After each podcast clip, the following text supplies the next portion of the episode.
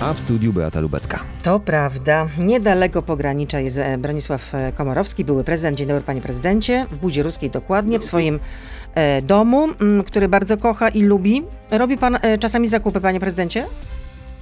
Robię, robię i, i teraz robię zakupy i prawie płaczę, no bo jednak i to razem z innymi ludźmi w sklepie, no bo jednak szokujący jest wzrost cen praktycznie wszystkich produktów i wszystkich usług. No właśnie miałam zapytać, co mówią mieszkańcy e, Budy Ruskiej?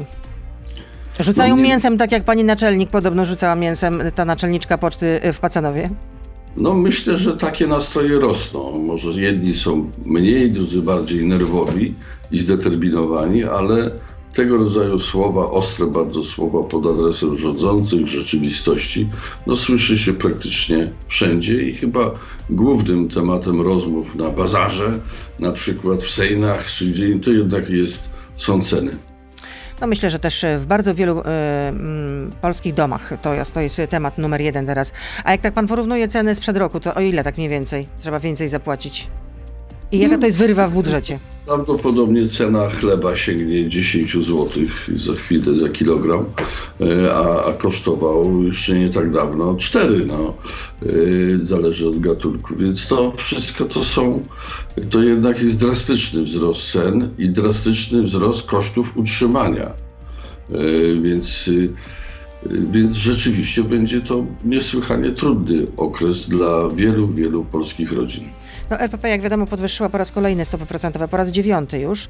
E, A co jeszcze mogą zrobić rządzący? Czy mają już jakieś pole do manewru, żeby zatrzymać tę inflację? No, po pierwsze chciałbym zwrócić uwagę, że mm, inflacja w Polsce jest y, y, o, o wiele wyższa niż średnia europejska, niż, niż średnia w krajach strefy euro.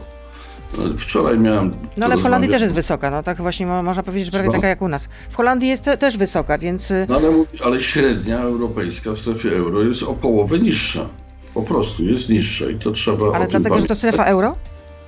Między innymi dlatego, że to strefa euro, na przykład jeśli chodzi o e, oprocentowanie kredytów mieszkaniowych, no to Polska jest na smutnym pierwszym miejscu e, w Europie.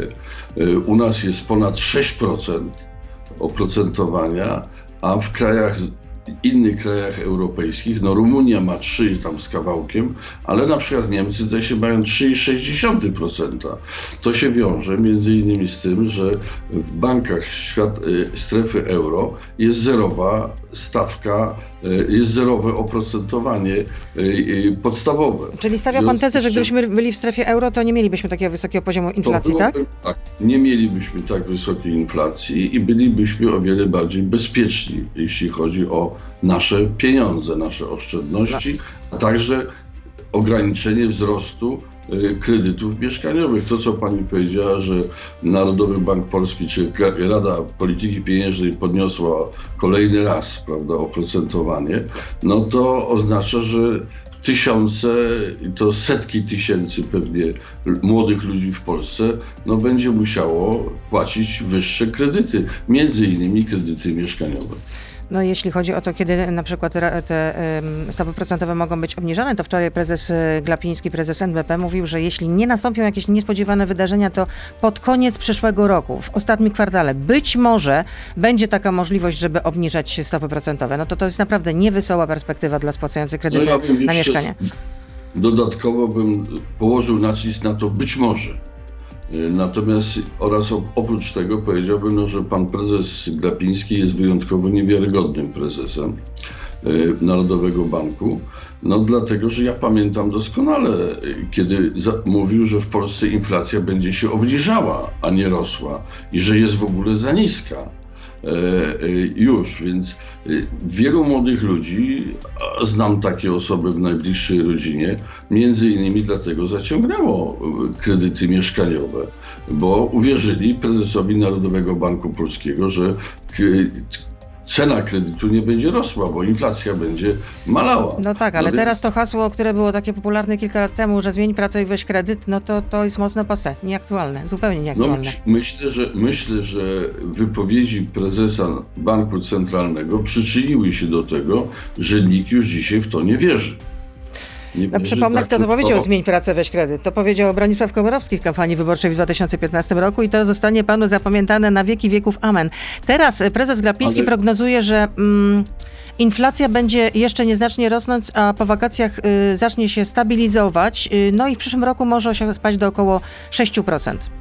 Ja chciałem wrócić do tego, co pani poruszyła. Ja pamiętam ten moment. Ja się zastanawiałem wtedy, czy temu młodemu człowiekowi, który pytał, za co kupić mieszkanie, czy jego siostra za co ma kupić mieszkanie, czy odpowiedzieć tak politycznie, to znaczy obiecać, dać złożyć pustą obietnicę, że dostanie, a że załatwi, a tak dalej, czy też odpowiedzieć tak, jak odpowiadałem swoim własnym dzieciom, że musicie pracować, musicie brać kredyty i je spłacać.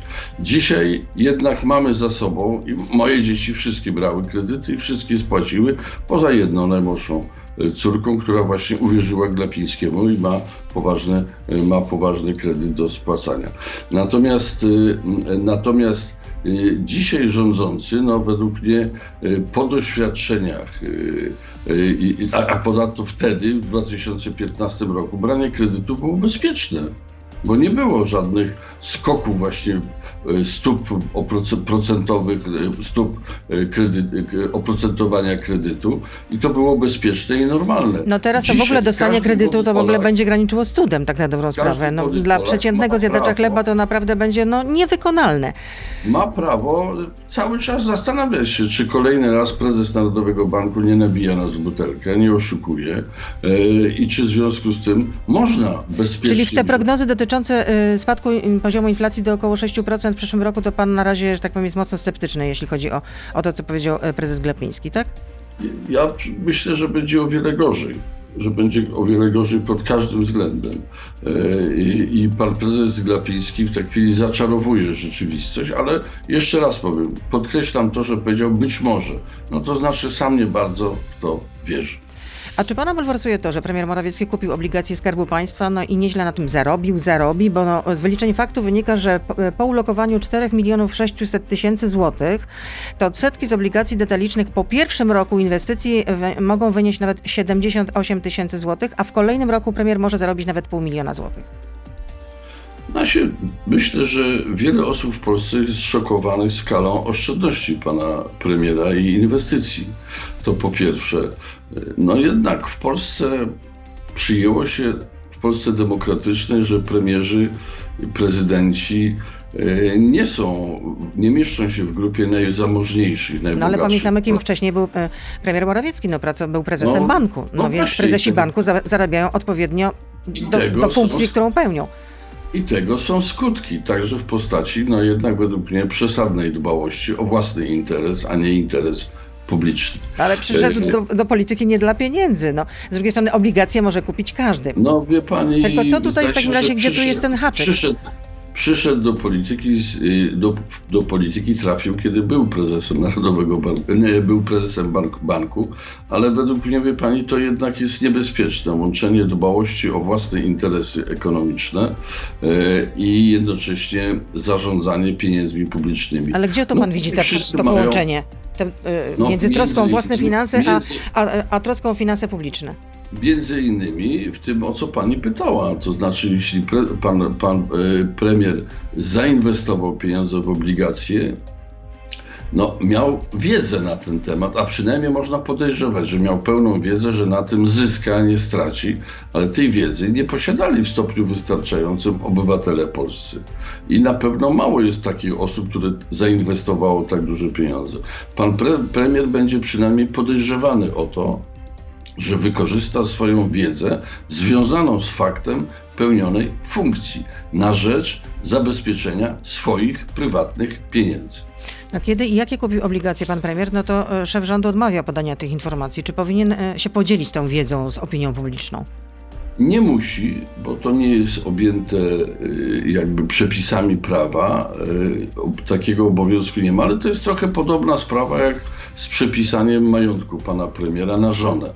Też nie musi y, ujawniać skali tego majątku, który niewątpliwie jest majątkiem wspólnym, tylko został przepisany, kiedy pan premier się do polityki wybierał obecnej.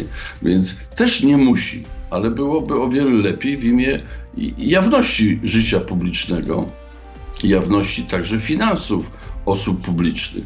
Byłoby lepiej, po prostu lepiej dla Polski, lepiej dla, mm, dla przekonania Polaków, że nie rządzą nimi hochsztaplerzy, którzy kombinują na własną, na, na rzecz własnej kieszeni.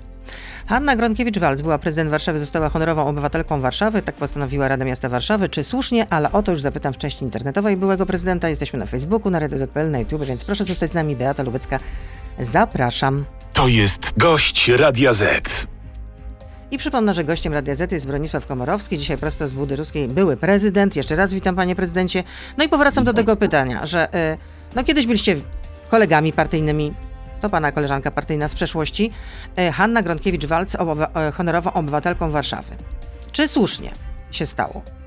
No, myślę, że powinna mieć z tego tytułu ogromną satysfakcję, y, a Rada Warszawy na pewno kierowała się nie względami partyjnymi, mam nadzieję, że kierowała się oceną prezydentury Hanny Gronkiewicz-Walc w Warszawie. Ja oceniam tą prezydenturę zdecydowanie pozytywnie. Y, Oceniam y, y, panią Hannę Gronkiewicz-Walc jako osobę, która no, nie szukała takich fajerwerków y, politycznych, ale była bardzo rzetelnym gospodarzem stolicy. No ale za Y, rządów Hanny Gronkiewicz-Walc do, doszło do dzikiej reprywatyzacji. Czy w tym kontekście w takim razie należy się taki zaszczytny tytuł takie, e, e, byłej prezydent Warszawy? No wie pani, a co to znaczy dzika reprywatyzacja? No brak ustawy. No nieszczęścia bardzo wielu ludzi. No przecież działy się róż, naprawdę rzeczy no, czasami no, niewyobrażalne. No przecież Ale otóż Brak, usta- brak ustawy reprywatyzacyjnej, czyli powstanie sytuacji, którą pani zdefiniowała jako dzika reprywatyzacja, to nie jest wina prezydenta miasta stołecznego Warszawy, no, ale Radusz chyba również y, popełnił pewne zaniedbania, nazwijmy to w ten sposób. parlamentu polskiego prezydenta, który zawetował także swego czasu ustawę reprywatyzacyjną przygotowaną i przeprowadzoną przez parlament e, za czasów rządu Jerzego Buzka, którego byłem ministrem. Więc brak regulacji reprywatyzacyjnych niewątpliwie przyczynił się do różnych patologii. To jest absolutnie prawda. Tylko nie jest to, nie obciąża to e, pani Hanny Gronkiewicz-Walc, tylko obciąża akurat jednego z poprzednich prezydentów i pewien układ władzy. Ale um, radni nie byli tak jednogłośni, bo przeciwko tej, y, w geście protestu mm, w, w głosowaniu w ogóle nie wzięli udziału radni Prawa i Sprawiedliwości, ale także lewicy, bo ich zdaniem to jest oburzające, żeby była prezydent, dostała taki tytuł rok po tym, jak honorowym obywatelem, honorową obywatelką pośmiertnie została Jolanta Brzeska, ikona ruchów lokatorskich, która zginęła no, w niewyjaśnionych do końca okolicznościach.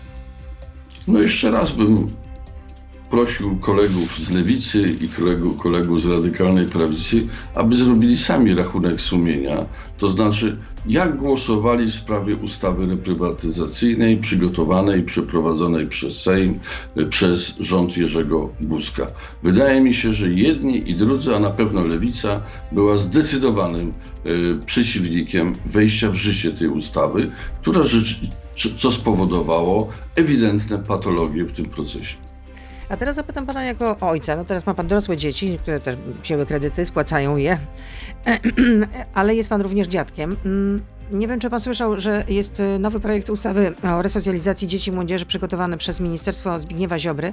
No i tam są takie y, nowe y, zapisy, nowe pro, propozycje, że dziesięciolatki będą stawać przed sądami, że jest przyzwolenie na, uży, na użycie wobec dzieci kajdanek. Dyrektorzy placówek oświatowych będą mogli też y, karać uczniów w takim zakresie podobnym, jak y, robią to teraz y, sądy rodzinne. No, dla mnie, jeśli się stosuje w skali całego społeczeństwa i państwa zasadę, że od karania e, są sądy, no to trzeba się konsekwentnie tego trzymać. Tam, gdzie jest to, nie, nie jest to, powiedziałbym, e, e, pouczenie, nie jest to, e, jest, to się przecież, e, to, to, to tam, gdzie wchodzi w grę rzeczywista kara, stosowanie kary, no musi być jakaś nad tym, musi być nadzór czynnika takiego obiektywnego. Takim czynnikiem są sądy, między innymi sądy rodzinne, sądy Czyli, dla czyli dla pana to nie jest nic e, takiego bulwersującego, że ta dolna granica e, wiekowa odpowiedzialności za Nie, no demoralizację właśnie, będzie określona e, właśnie na poziomie 10 tak. lat. Już pomijając ten fakt, że wszystko, co robi pan Zbigniew Ziobro, z, samego założenia jest dla mnie mocno podejrzane i wątpliwe, ale w ogóle no, tak samo próba pójścia w stronę takiej represyjności tylko i wyłącznie w stosunku do, do dzieci, no budzi najmniejsze, największe zastrzeżenie. Ja nie znam szczegółów tego rozwiązania, zwykle diabeł tkwi w szczegółach. E, ale wydaje mi się, że kierunek jest mocno wątpliwy, pomimo tego, że niewątpliwie występują w placówkach wychowawczych zjawiska e, no, bardzo agresywnych e, młodych ludzi, nieletnich, zarówno agresywnych w stosunku do kolegów, jak i w stosunku do opiekunów czy do nauczycieli.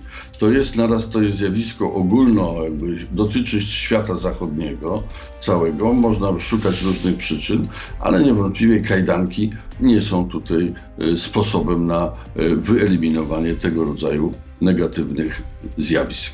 No, te, kajdanki, te kaj- kajdanki na ręce czy też nogi y, będą mogły być użyte, jeśli siła fizyczna będzie niewystarczająca w przypadku autoagresji właśnie, czy na przykład zamachu na życie.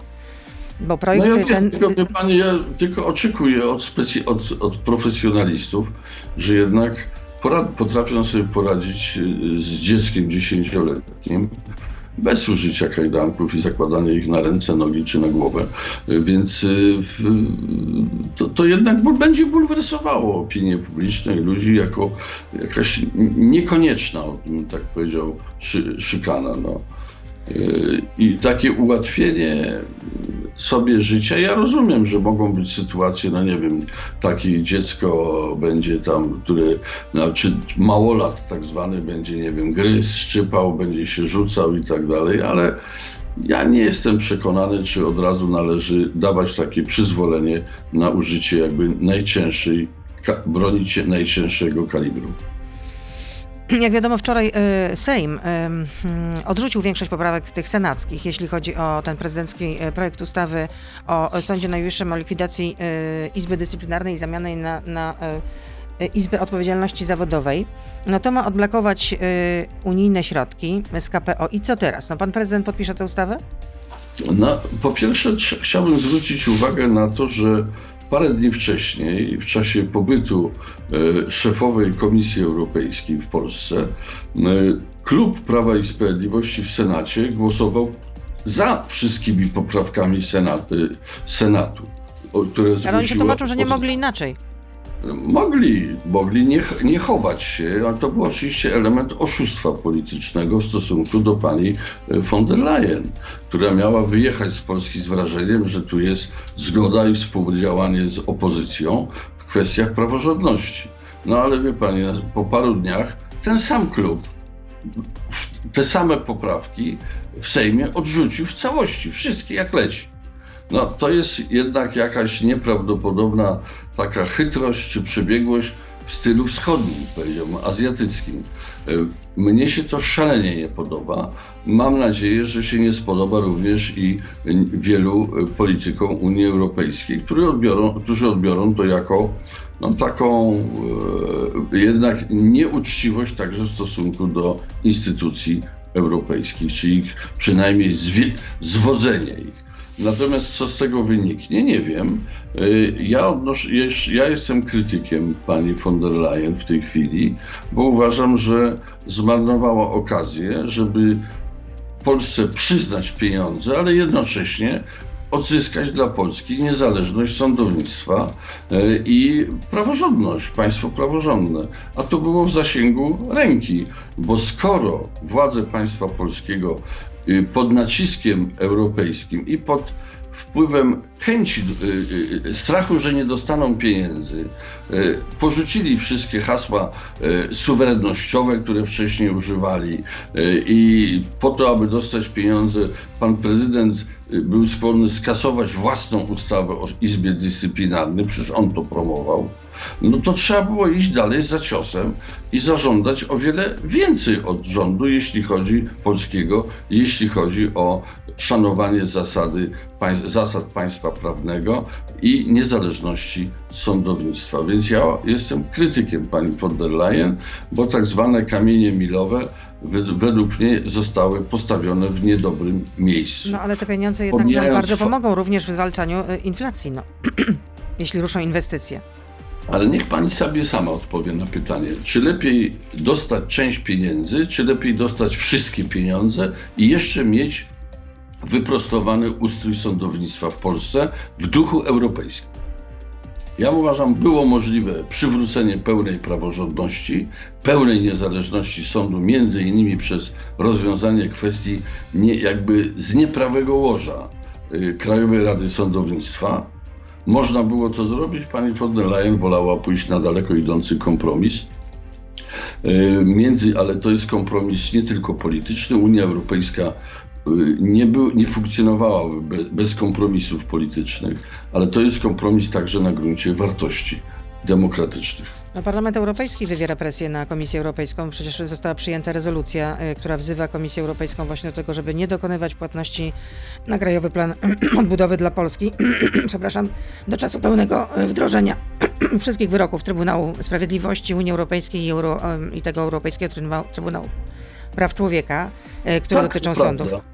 To prawda, ale być może już jest za późno, bo pani przewodnicząca Komisji Europejskiej wymiękła wcześniej i będzie jej trudno w tej chwili e, wyjść poza oczekiwania związane z wcześniej wyznaczonymi tak zwanymi kamieniami. Pan powiedział, że e, Ursula von der Leyen wymiękła? Wymiękła ewidentnie. No to jak powinna było się zachować w takim razie pana, strona, pana zdaniem? Co powinna była zrobić Komisja Europejska w tej sprawie? No, powinna zażądać między innymi rozwiązania problemu Krajowej Rady Sądownictwa. E, I, i, i jako źródła, e, jakby powiedzieć, źródła nieszczęścia w postaci uzależnienia sądownictwa. No to co się powinno wydarzyć, jeśli chodzi o Krajową Radę Sądownictwa? No, ja nie jestem prawnikiem, ale polscy prawnicy proponują różne rozwiązania i któreś z tych rozwiązań mogła przejąć komisja jako postulat, jako cel, albo mogła e, wymyśleć własny pomysł na to. Ale czy Parlament Europejski powinien się zajmować właśnie Polską właśnie teraz, kiedy jest wojna w Ukrainie? No to nie ma, nie ma ważniejszych spraw? No nie wiem, tak się a, zastanawiam również. A pani uważa, że Parlament Europejski powinien zajmować się tylko wojną na Ukrainie? Bo ja tak nie, nie mówię, uważam. że tylko, absolutnie nie. no, ale... no, dlaczego, a dlaczego myć ręce, a nie ręce i nogi? Dlaczego wybierać między myciem rąk albo nóg? No, myjemy ręce i nogi. No i Parlament Europejski powinien i zajmuje się kwestiami związanymi e, z wojną na Ukrainie i zajmuje się kwestią braku praworządności, między innymi w Polsce. E, jeżeli powiedział, powiedziały instytucje europejskie A, mówiąc, że jest połączenie między pieniędzmi wypłacanymi a prawo, oceną praworządności, no to y, y, muszą powiedzieć B, czyli zastosować to, to rozwiązanie w pełni, a nie iść na niekonieczny kompromis. Państwo polskie, y, władze państwa polskiego wymiękły również. Prezydent Duda przecież zjada własny język. No przecież on był autorem ustawy o Izbie Dyscyplinarnej. No jeśli zgodził się, wymienka i zgodził się na wycofanie, przynajmniej częściowe, no to trzeba było docisnąć mocniej, by, by całkowicie się wycofał, e, nie, w, nie poprzez zmianę nazwy Izby Dyscyplinarnej, ale pełną wymianę także i personalną tego, e, tego tworu. No przecież to jest rzecz nieprawdopodobna, no, że ci sami ludzie, którzy ograniczali uprawnienia sędziowskie, na przykład sędziego Jęczyszyna, Dzisiaj przywracają mu uprawnienia sędziowskie, no ale następnym ruchem wysyłają gdzieś tam jakieś, oddelegowują daleko od dotychczasowego miejsca pracy. To jest jak kpina. Nie, no, jest przeniesiony do innego oddziału, teraz będzie rozstrzygać się no, w sprawach... No tak, no ale on, on to odbiera i chyba służy jako dalszy ciąg różnych represji, no, które spotykają tych sędziów. Więc według mnie Komisja Europejska nie skorzystała z okazji, którą miała, żeby przyznając Polsce pieniądze, i to pełne pieniądze y, na, z tytułu odbudowy po covid jednocześnie uzyskać dla Polski i dla Polaków przywrócenie pełnej praworządności. A czy polski rząd skapitulował, e, skapitulował przed Brukselą, zgadzając się na 283 kamienie milowe? No te kamienie milowe to myślę, że warto im się wszystkim przyjrzeć bo to nie dotyczy tylko i wyłącznie kwestii wątpliwości czy obawy, tylko kwestii związanych z praworządnością. No bo jednak tam jest cały rząd polski się zgodził na E, w zamian za, rozumiem, e, pokazanie tej sakiewki pełnej pieniędzy, e, zgodził się na bardzo daleko idące zobowiązania w różnych obszarach, niektórych absolutnie słusznych, ale powiedziałbym takich, których, których wykonanie będzie niesłychanie kosztowne, a czasami bolesne dla obywateli polskich. Więc to warto się przyjrzeć, to jest się ogromna ilość tych zobowiązań strony rządu polskiego. Dla mnie wśród tych kamieni milowych jednak zabrakło przede wszystkim właśnie kwestii, rozwiązania kwestii Krajowej Rady Sądownictwa.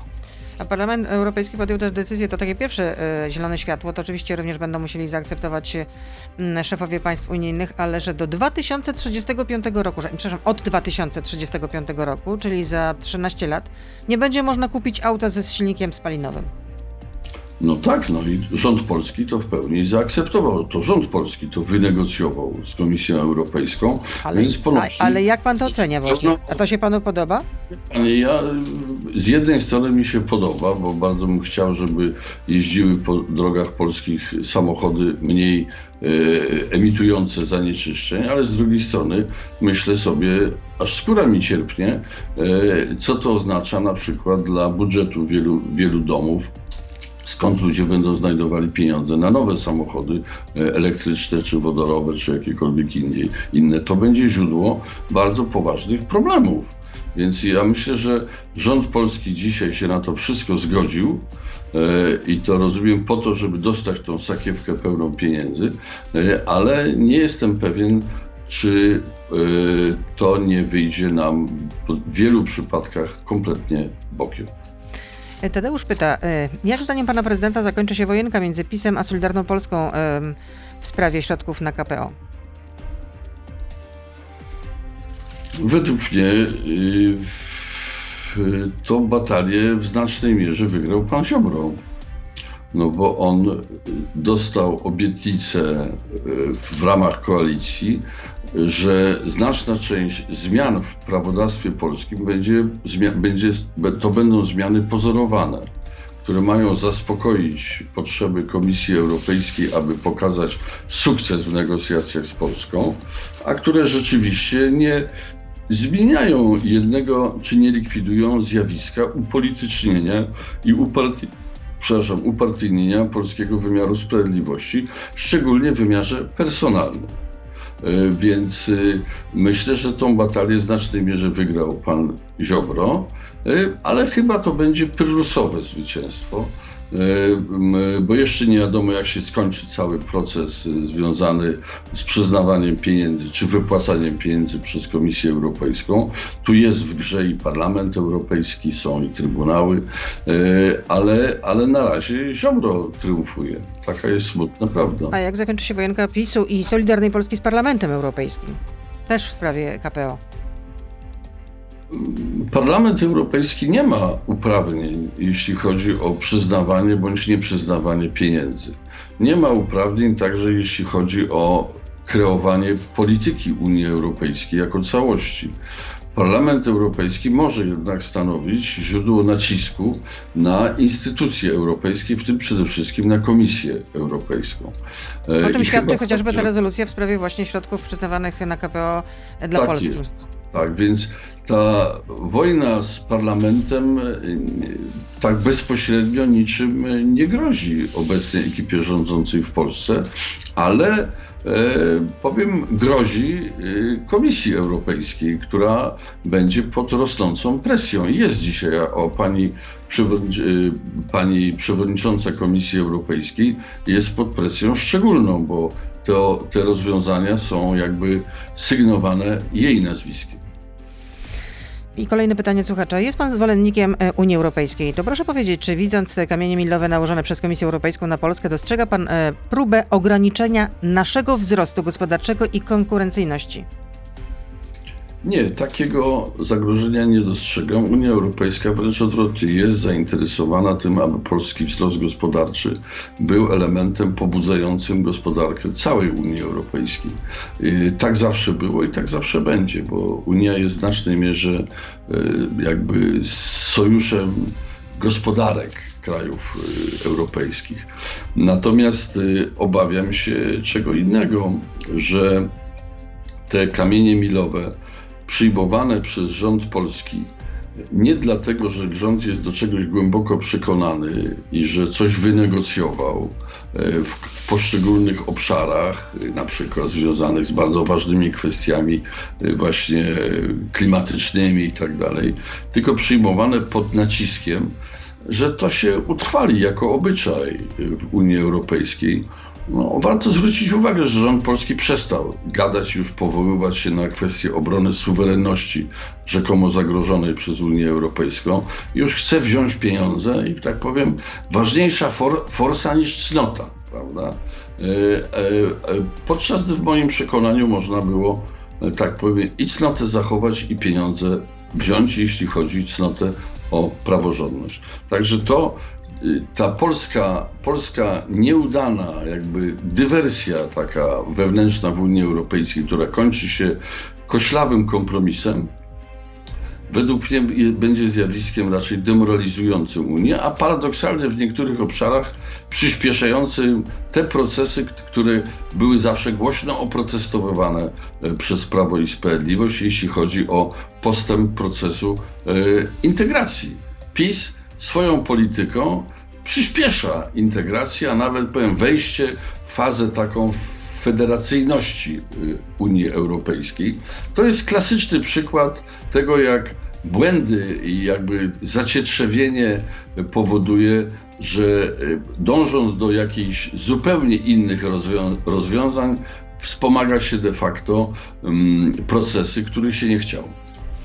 Kolejne pytanie. Czy nie żałuje pan, nie wstydzi pan tego, że w pana otoczeniu byli ludzie związani z rosyjskimi firmami, jak e, osoba, która podpowiadała panu za plecami Przetulmy panią e, w kampanii w 2015 roku, w kampanii prezydenckiej? Nie znam takiej pani, która by była związana z firmami rosyjskimi.